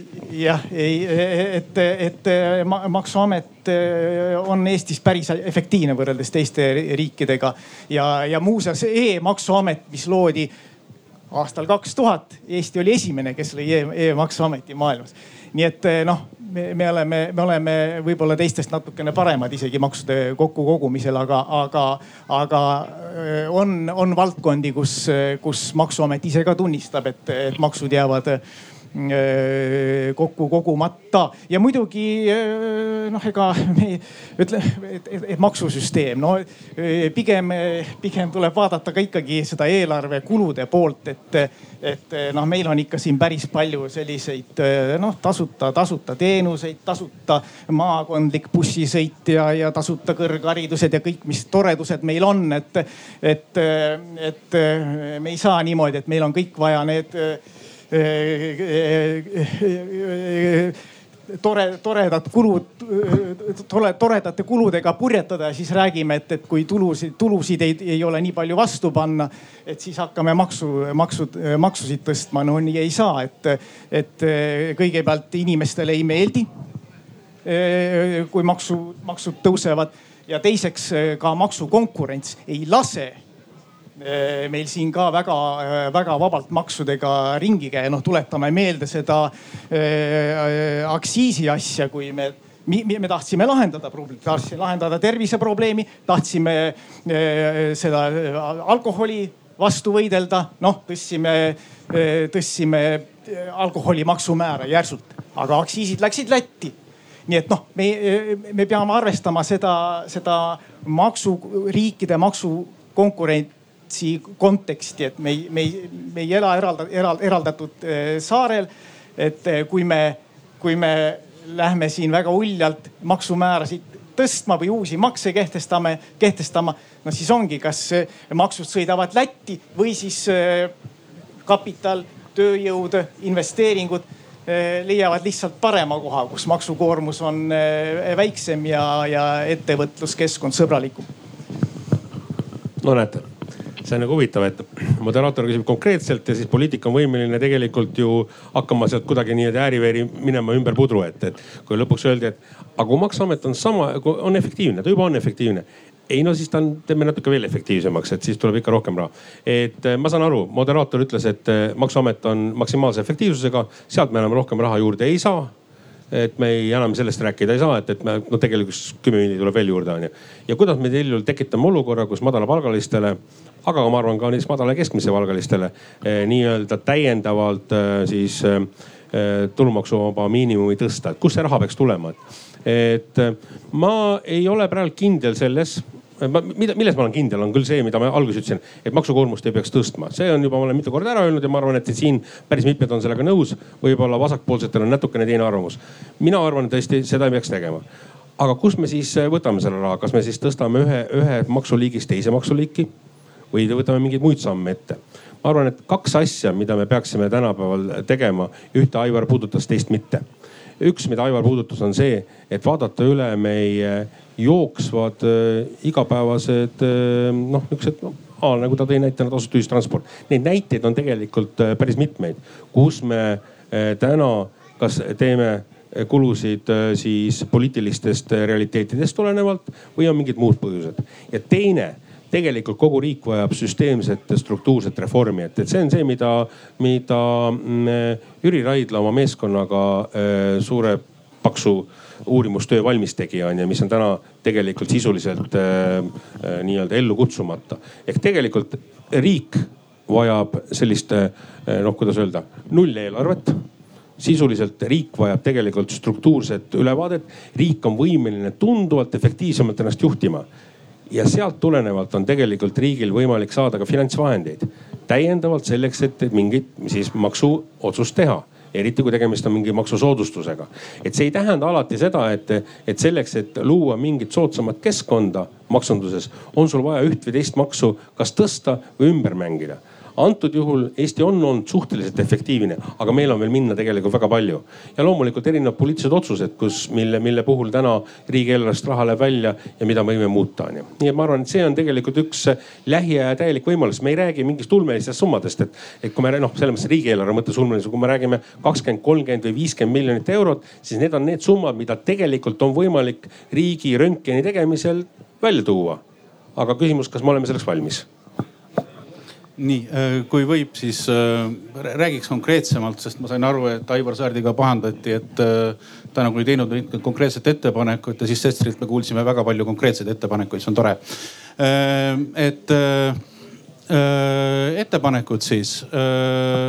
rohelistel on väga lihtne põhimõte, et saastaja maksab me oleme tegelikult väga palju vähendanud igasuguseid keskkonnatasusid, kaevandustasusid doteerime sellega nii põlevkivienergeetikat kui ka äh, muid asju oleme doteerinud. et need asjad on vaja tegelikult taastada, et äh, need kahjud, mida tekitatakse loodusele, keskkonnale, need, kes seda tekitavad, nad peavad maksma rohkem makse teine asi, kus rohelised on, on siis on meil astmeline tulumaks, mida me pooldame Äh, me arvame ka seda näiteks ka noh, siin Tallinna näitel, et meil on liiga suur autostumine, kus äh, ma ei tea, Tallinnas on umbes nelisada viiskümmend autot tuhande inimese kohta ja äh, Helsingis samas on kolmsada autot tuhande inimese kohta. ma arvan, et me peame hakkama reguleerima ka vaadates, kuidas kliima muutub. et selles suunas ühiskonda mõjutada, meil on vaja Äh, automaksu ja teine asi, mis meil äh, ühiskonnas sisuliselt puudub, mis mujal riikides on olemas, on äh, kapitalimaksud. Ehk kui sa elad ikkagi suures uhkes villas, siis sa võiksid selle pealt ka rohkem maksu maksta, et sa seal elad. et ühiskond oleks õiglasem ja parem, aitäh ma, ma tahaks kaks asja vahepeal ära õiendada, et üks on see tasuta ühistranspordi küsimus, et siin jäeti selline mulje, nagu see oleks mingi tohutu Äh, kuluartikkel või, või kullaauk. see ei ole nii, enne kui see bussipilet nii-öelda bussipileti hind nulli läks, ka siis oli ühistransport üheksakümmend viis protsenti doteeritud ja enamus sellest dotatsioonist läheb rongi, laeva ja lennuliikluse peale. ehk siis praamiühendused saartega, rongiühendused äh, meie suuremate linnadega Viljandi, Tartu, Narva ja lennuühendused. ja see bussi osa seal on äärmiselt marginaalne ja ütleme, et me kaotame selle ära, paneme selle pileti tagasi ja suudame sellega tõsta näiteks seda tulumaksuvaba miinimumi viiesaja euro pealt viiesaja ühe euro peale, siis see omakorda suurendab äh, sedasama ebavõrdsust nende vaesemate või madalamapalgalisemate ja rikkamate hulgas. ma usun, et madalapalgalistele on märksa suurem väärtus see, et nad saavad liikuda sinna, kuhu tahavad ja e, saavad seda teha tasuta, mitte see, et nende tulumaksuvaba miinimum on ühe euro võrra suurem et see bussiliikluse väärtus on kindlasti äh, olulisem. ja teine pool, mis puudutab nüüd seda keskkonna osa, tegelikult äh, siin ruumis on üks elevant ja see on keskkonnatasud keskkonnatasud ei lähe äh, maksubaasi arvestusse sisse või selle maksumäära arvestusse sisse ja Eesti keskkonnatasud on Euroopa kõige kõrgemad. et kui me muidu räägime, et meil see kolmkümmend kolm või kolmkümmend viis protsenti on eh, selline Euroopa madalamate hulgas. kui me paneme sinna keskkonnatasud juurde, siis meil on Euroopa kõige kõrgemad maksud ja seetõttu eh, meil eh, välisinvesteeringuid tegelikult siia Eestisse enam väga ei tule. aitäh ma ütlen, et Aivar Sõerd tahtis repliiki, aga Riina Sikkuti kord oli tegelikult, et Riina Sikkut las otsustab. ja sellega nõus, et, et keskkonnatasude tõstmisega noh, me riigieelarvesse suurt raha ei too, noh Erki juba mainis. keskkonnatasude osakaal tuludest on ikkagi väga väike, äkki see kolmkümmend seitse miljonit on aastas. isegi kui me selle kahekordistame, mis ei ole võimalik, ka siis ei too see olulist tulu. keskkonnatasud või ütleme keskkonnamaksudest on põhilise osa moodustavad ju transpordi ja kütusemaksud ju et Eesti läks ju tegelikult siin ju seda teed, et diisliaktsiisi ju langetati ajutiselt ju, et noh, see tähendab, et keskkonnatasusid ju eh, vähendati isegi.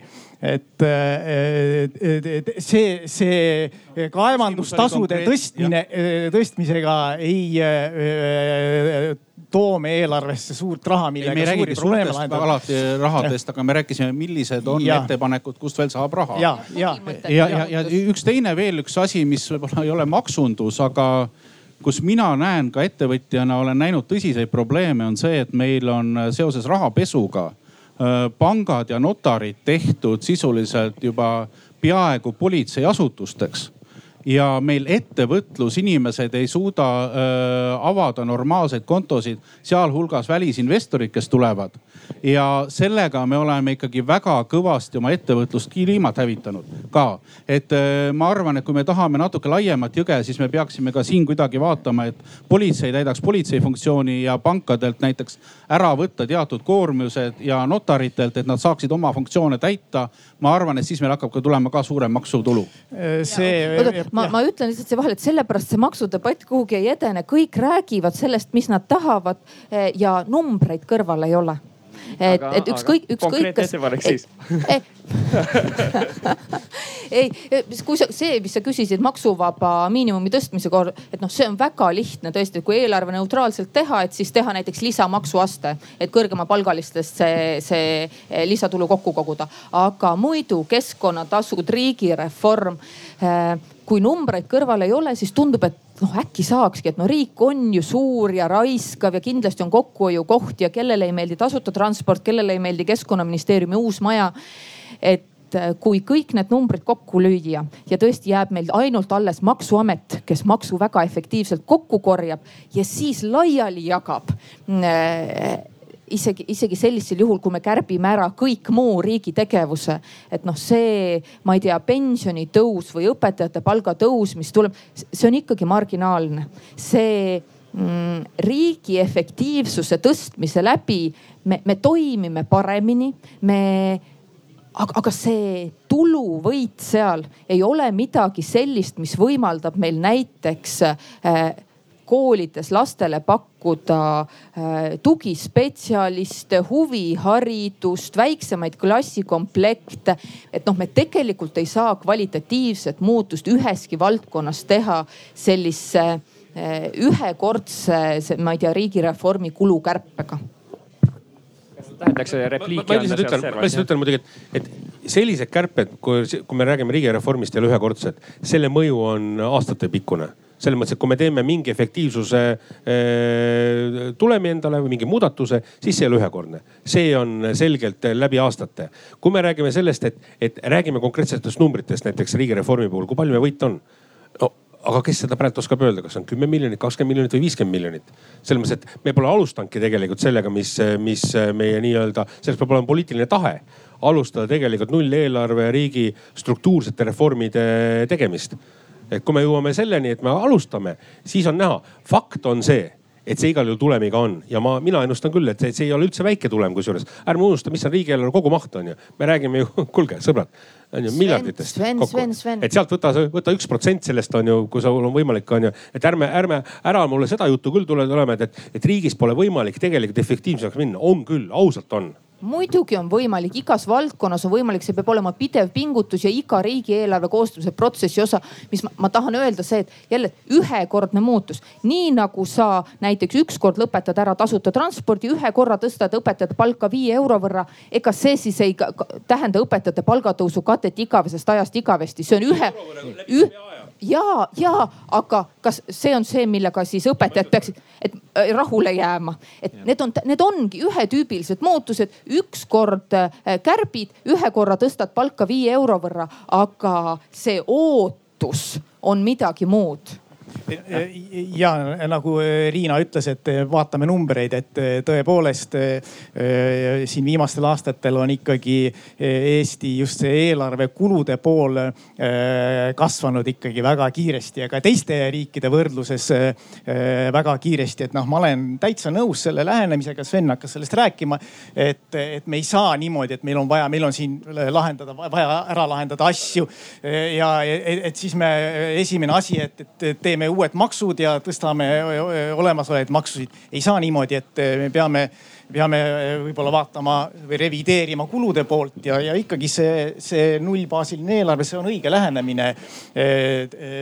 kuidas, kuidas püsikulusid, püsikulude kasv on, ega kasv on niikuinii, et kuidas seda kasvu no paremini kontrollida, kasvu kiirust natuke maha tõmmata, et, et, et see on noh, terve suur kompleks, riigireform, nullbaasiline eelarve ja bürokraatia vähendamine, vot sinna peab vaatama, kui me räägime ma... sellest, kust saada tulu mingite toredate asjade jaoks. ma olen täiesti nõus, et see nullbaasiline eelarve tegelikult isegi mingi regulaarsusega on hädavajalik äh,. aga noh, millegipärast ei riigireformi ega selle nullbaasilise eelarvega asjad kuidagi ei edene, sellepärast et nende tegemine on raske see sellise suure muutuse, struktuurse muutuse tegemine on raske ja seetõttu võetakse alati mingisugune lihtsam viis. on see siis äh, maksusüsteemi muutused või orkestri kärpimine või midagi sellist, mis ühel aastal võimaldab äh, eelarves soovitud numbri või komakoha klappima saada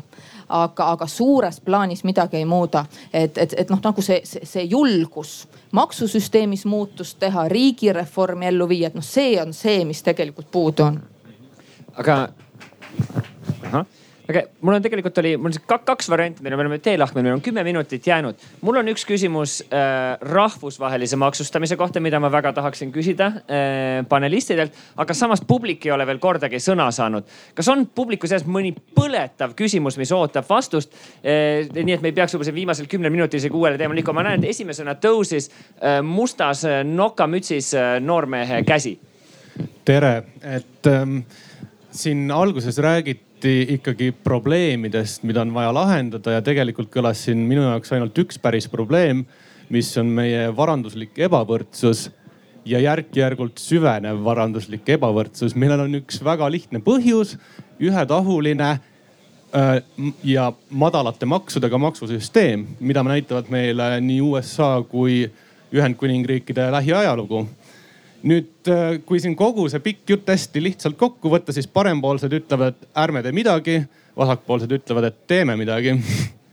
ja noh, siit äh, noh, minu jaoks äh, olekski lihtsalt mõttekoht publikule, et kas, kas see on see viis, kuidas me tahame edasi minna, et me ei tee midagi ja meie varanduslik ebavõrdsus aina süveneb või me teeme astmelised maksusüsteemid noh, idee, mida on vaja lihtsalt maha müüa, sellepärast et äh, sellest hakkavad ikkagi vähesed jõukad suure, suuri hulki maksma äh,. astmelise kapitali maksustamise, mis võiks olla meritokraatlik, on ju, et me ei pea maksustama igat kapitali samamoodi, kui meil on säästlike keskkonnalahenduste äh, arendamisettevõte versus kui meil on kiirlaenuettevõte on ju, et miks neil peaks olema sama maksukoormus, kui nad loovad ühiskonda niivõrd erinevat väärtust aitäh sellest replikust, võtaks ühe, kuna see ei olnud võib-olla nii konkreetne küsimus, vaid rohkem repliik, siis ma nägin, et ees vist, ees oli ka eh, beežis pintsakus noormehel oli käsi püsti. et kogume mm. -hmm. Uh, ja uh,, uh, mul oli küsimus uh, maamaksu kohta, et paljud majandusteadlased ütlevad, et see on uh, üks kõige efektiivsem maks ja et miks on see Eestis nii väike ja miks on, miks ei ole neid maksumäärasid uuendatud väga-väga pikka aega võib-olla vot sellest, sellest küsimusest haarakski kinni ja viiks tegelikult asja sinna, mis oli, mis on siin olnud taustal mitmeid kordi läbi käinud ja mis Aivar Sõerd ka väga ilusti alguses välja tõi. et tegelikult Eesti selles maksubaasis äh, nii-öelda kapitalimaksud või, või nagu vara maksustamise makse on küllaltki väike hulk ja samas on äh, küllaltki suur hulk ähm, käibemaksul mis on, mis samuti mõjub, mis on regressiivne oma iseloomult ja kuna paljud need küsimused täna on puudutanud just nimelt seda eh, maksude sotsiaalset jaotust ning seda, kuidas aidata neid inimesi, kelle, kuidas luua sellist maksukorda Eestis, mis, mis aitaks neid inimesi ennekõike, kes on võib-olla mediaanist vähem teenivad. Ehm, siis võib-olla ootakski maamaksu ja selle käibe ja, ja varamaksude eh, valguses eh, sõnavõtte panelistiliselt selle viimasele küsimusele. alustame Aivar Sõerdiga nojah, äh, siin äh, riik on plaane tegemas, et seda korralist, korralist hindamist hakata sisse viima. Nojah, et õnneks on siin filter ees, riik ise kehtesta-, on kehtestanud noh, need need piirid, kui kiiresti see võib tõusta ja, ja, ja teine filter on ka kohalike omavalitsuste volikogud, et, et ka ega ma ütleks küll, et eh, noh, see, see selles volikogus, kus mina töötan, ei, ei, ei, eh, ei saa küll eh, pooldada maksude maksude kiiret tõstmist. noh, ülevaatus ilmselt seisab ees, aga, aga ikkagi peame arvestama seda ka, et, et, et mis on, mis on inimeste noh, võimalus noh, siin on see maamaksu puhul on seesama noh, see Nõmme pensionäride näide, et, et kui maamaks hakkab kiiresti tõusma, siis inimesed jäävad äh, hätta ja noh, et kas me tahame seda, seda olukorda, kus äh, kinnisvara liigub võib-olla hoopis välismaalaste kätte Sven Sester, lähme, lähme kella. ma ütlen ennem ära, siis Sven saab niimoodi järjest pidi minema. ei, päripäev, päripäeva lähme, päripäeva lähme. niimoodi me järjest minema, et ma räägin korra varamaksudest ja siis jõuan kohe maamaksuni spetsiifilisemalt. varamaksud, et mis seal salata, et siin me oleme nii-öelda opositsioonis paljude teiste erakondadega, et, et Isamaa on kõva häälega välja öelnud erinevad varamaksud, automaksud, muud maksud, me oleme selle vastu olnud. ja, ja me oleme ka praegusel hetkel, et, et me tõesti näeme, et, et varamakse ei peaks veel olema. et sellise suure, suure vara puhul me nendime, auto on üldse, ta on pigem tarbese tänaseks päevaks on ju, et nii nagu kunagi mobiiltelefon oli luksus, täna keegi ei kujuta seda ette, et see oleks luksuskaup oleks mobiiltelefon. kunagi maksis ta terve kuupalga. et, et samamoodi on auto, ta on pigem tarbese. aga, aga vara varamaksude vastu, miks me oleme siiamaani, on see, et meil tegelikult see periood on väga lühike olnud, me oleme kolmkümmend aastat nüüd tähistame seda iseseisvumist, et, et me oleme palju kaugemal maas tegelikult eh, enamus Kesk-Euroopa riikides, kus on nii-öelda see vara akumuleerumine on palju pikema perioodi jooksul.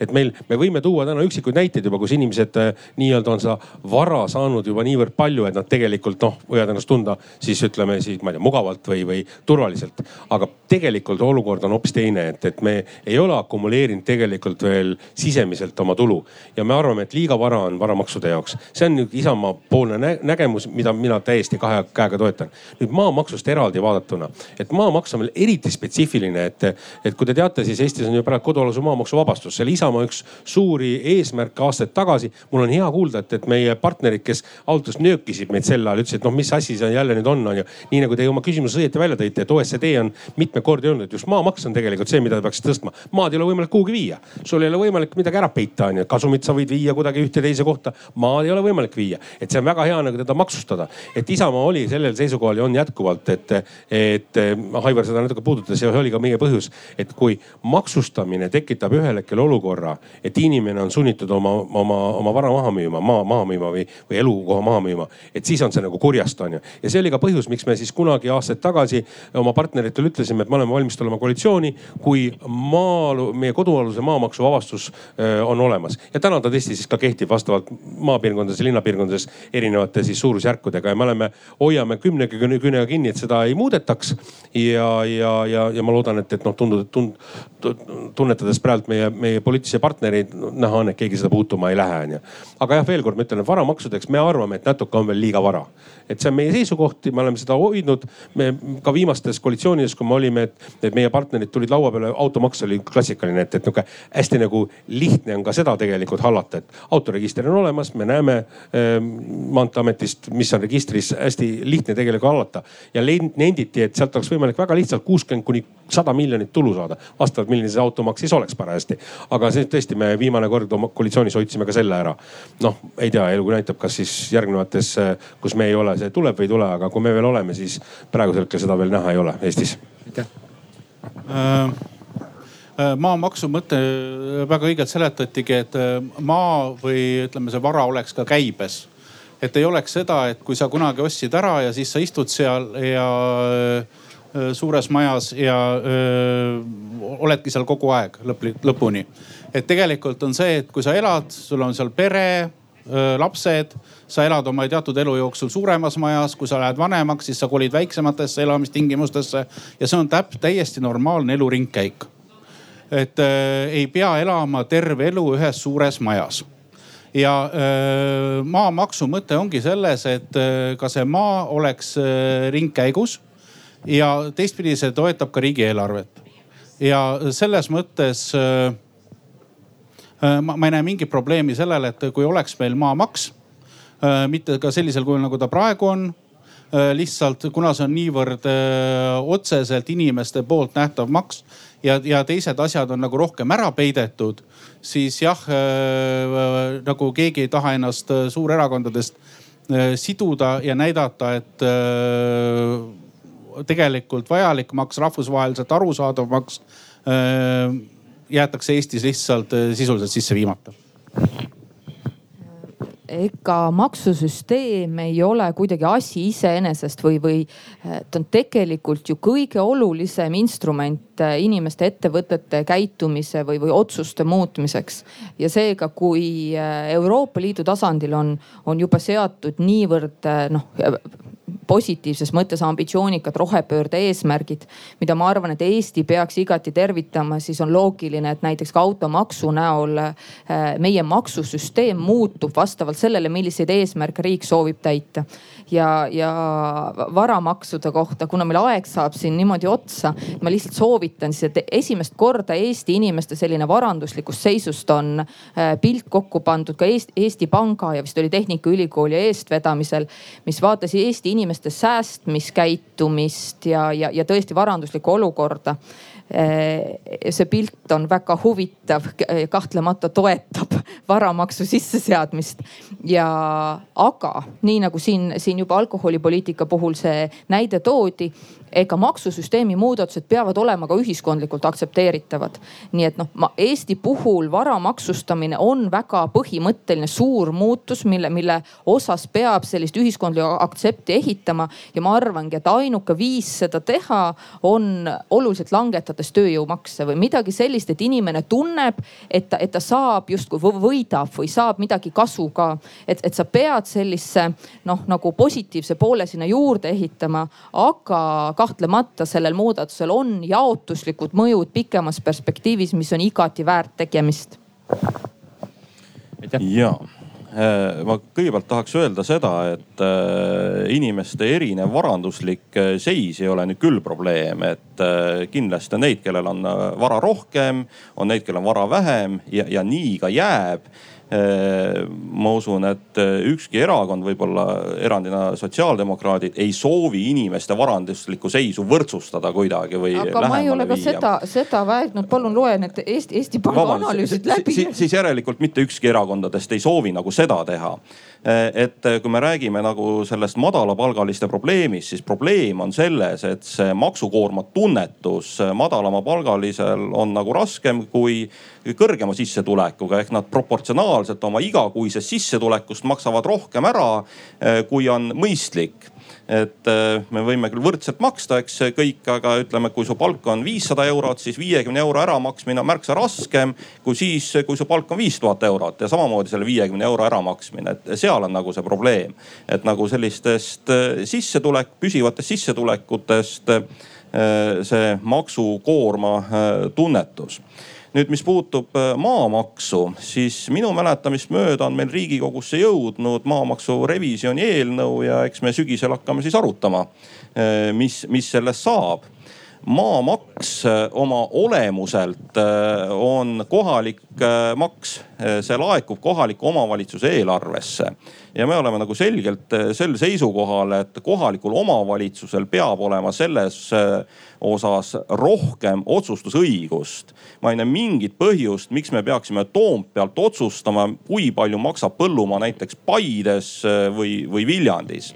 ma arvan, et siin kohalik omavalitsus on märksa pädevam, küll aga paneme paika teatavad mängureeglid ja hoolitseme selle eest, et see Äh, baastase, äh, nii-öelda see maa hind oleks üleriigiliselt õiglaselt välja arvutatud aitäh. vabandust, ma ütlen.